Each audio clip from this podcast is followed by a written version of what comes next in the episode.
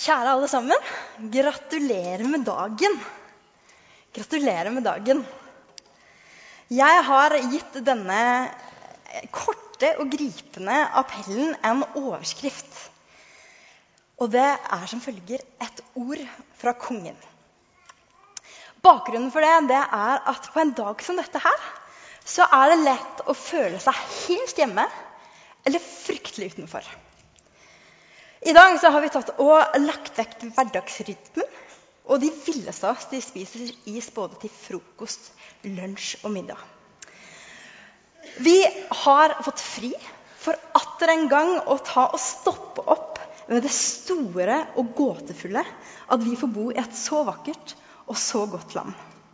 Vi heiser flagget vårt i takknemlighet over loven som erklærer Norge for et fritt et selvstendig, udelelig og umistelig rike.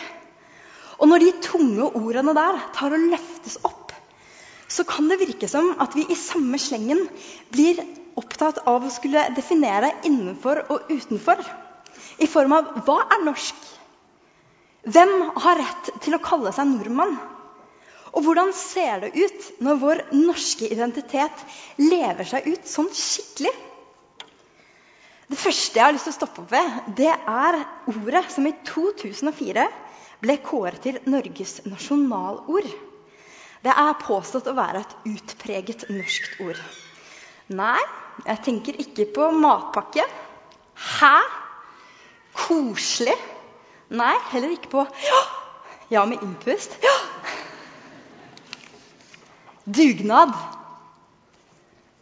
Dugnad var nasjonale ordet, og det stammer fra det norrøne 'dugnader', som betyr hjelp, god gjerning og kraft. Når nordmenn skal si noe om hva som kjennetegner oss, så bruker vi altså et ord for hjelp, god gjerning og kraft. Det kan vi like. For noen år siden så var jeg på en date. Knut Johan, min kjære mann, nå må du holde deg på ørene. Vi kaller ham for Frank. Eh, og Vi hadde vært på en date før, og dette var vår andre date. Og nå lurte han på om vi skulle møtes igjen uka etter.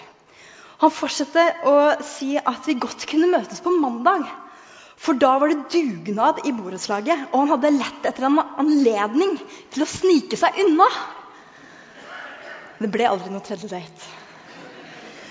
For uansett andre gode egenskaper så var det en så fundamentalt usympatisk holdning og Det fikk meg til å tenke da, og det har fått meg til å tenke siden. Så Sånn sett så har jeg mye å takke Frank for. Men å bygge landet, folkens, det er det denne dagen minner oss om. Viktigheten av å være et arbeidslag.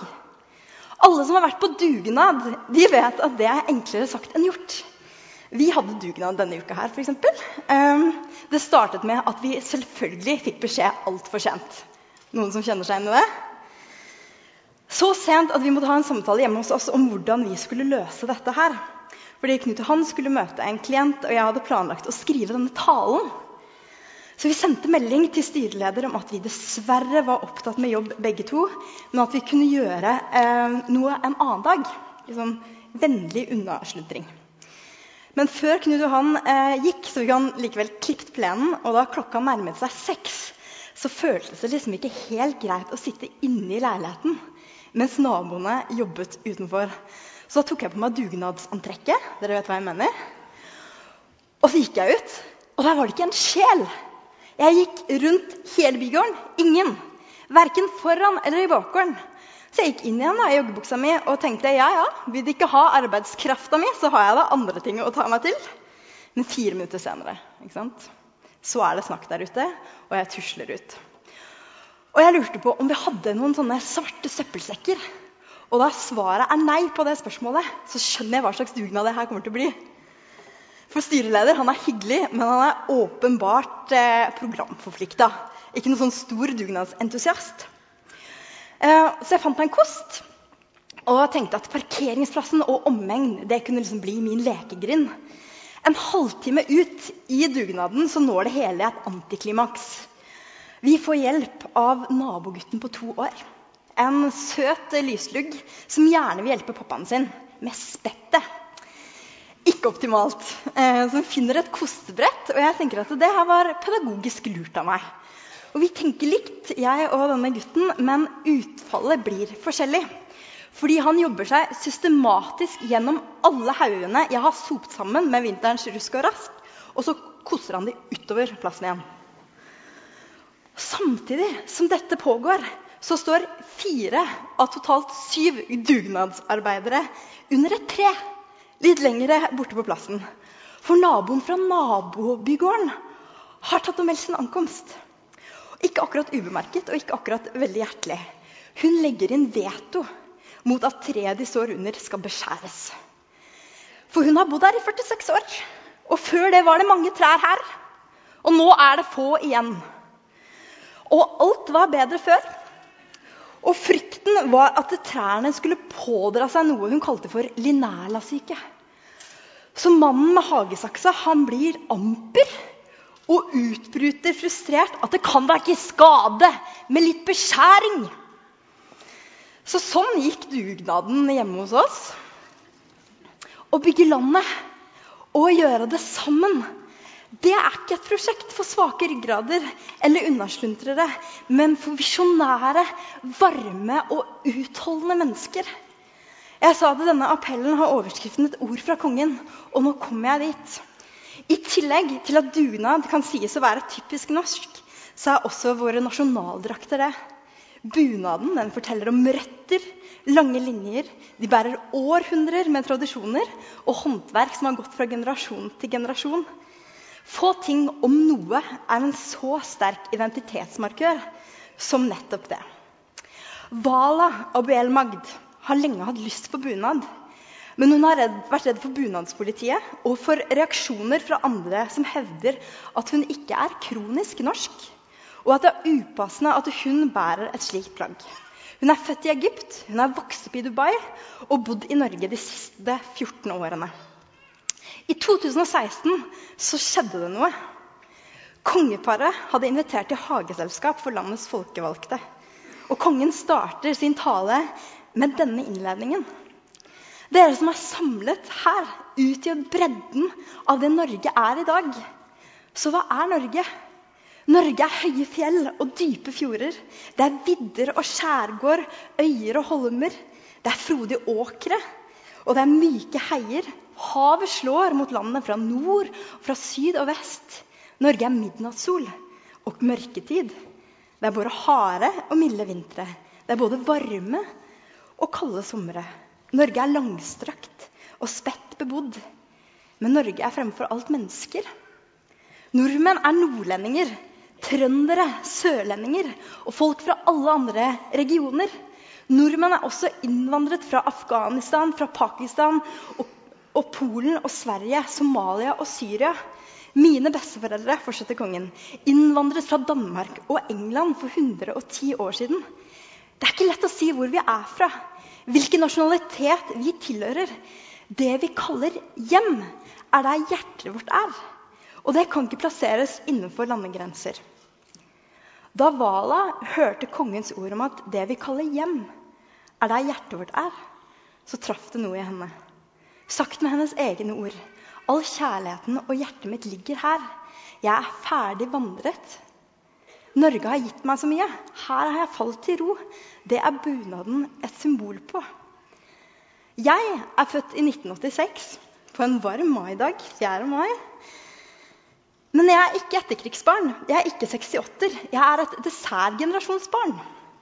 Jeg ble født etter at landet var ferdig bygd opp igjen. Jeg. Du og jeg vi er alle barn av vår tid. 17. mai sies å være barnas dag. Og det har vi sagt om 17. mai så lenge vi har feiret den dagen. Barn de ler uten grunn.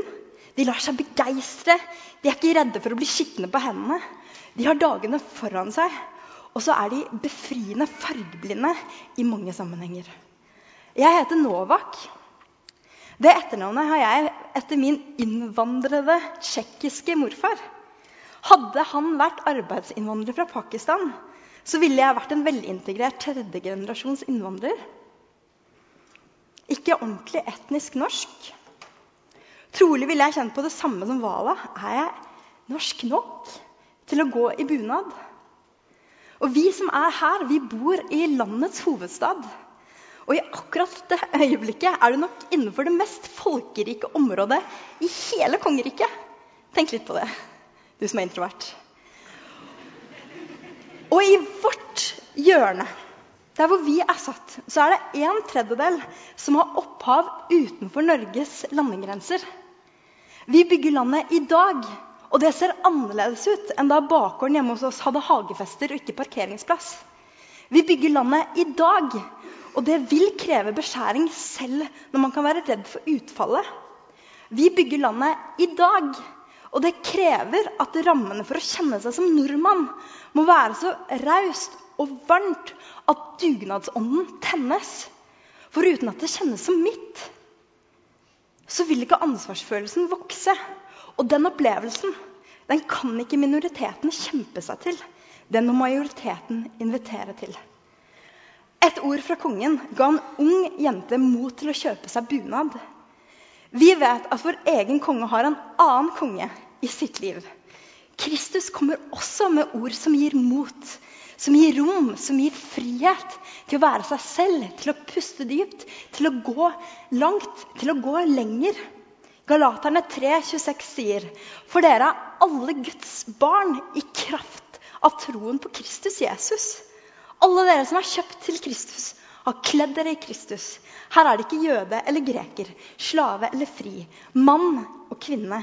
Dere er alle én i Kristus Jesus. Våre ord har også kraft. Og min oppfordring til oss i møte med et nytt arbeidsår det er at vi skal venne oss til Kristus i møte med oppdraget med å forvalte våre egne liv. Menneskene som er hans, riket hans, og at dugnadens essens, hjelp, gode gjerninger og kraft skal være det som kjennetegner oss. Og Jeg har lyst til å avslutte med å si som Harald sa til sine gjester og sine landsmenn. Nordmenn liker Grieg og Kygo, Hellbillies og Kari Bremnes.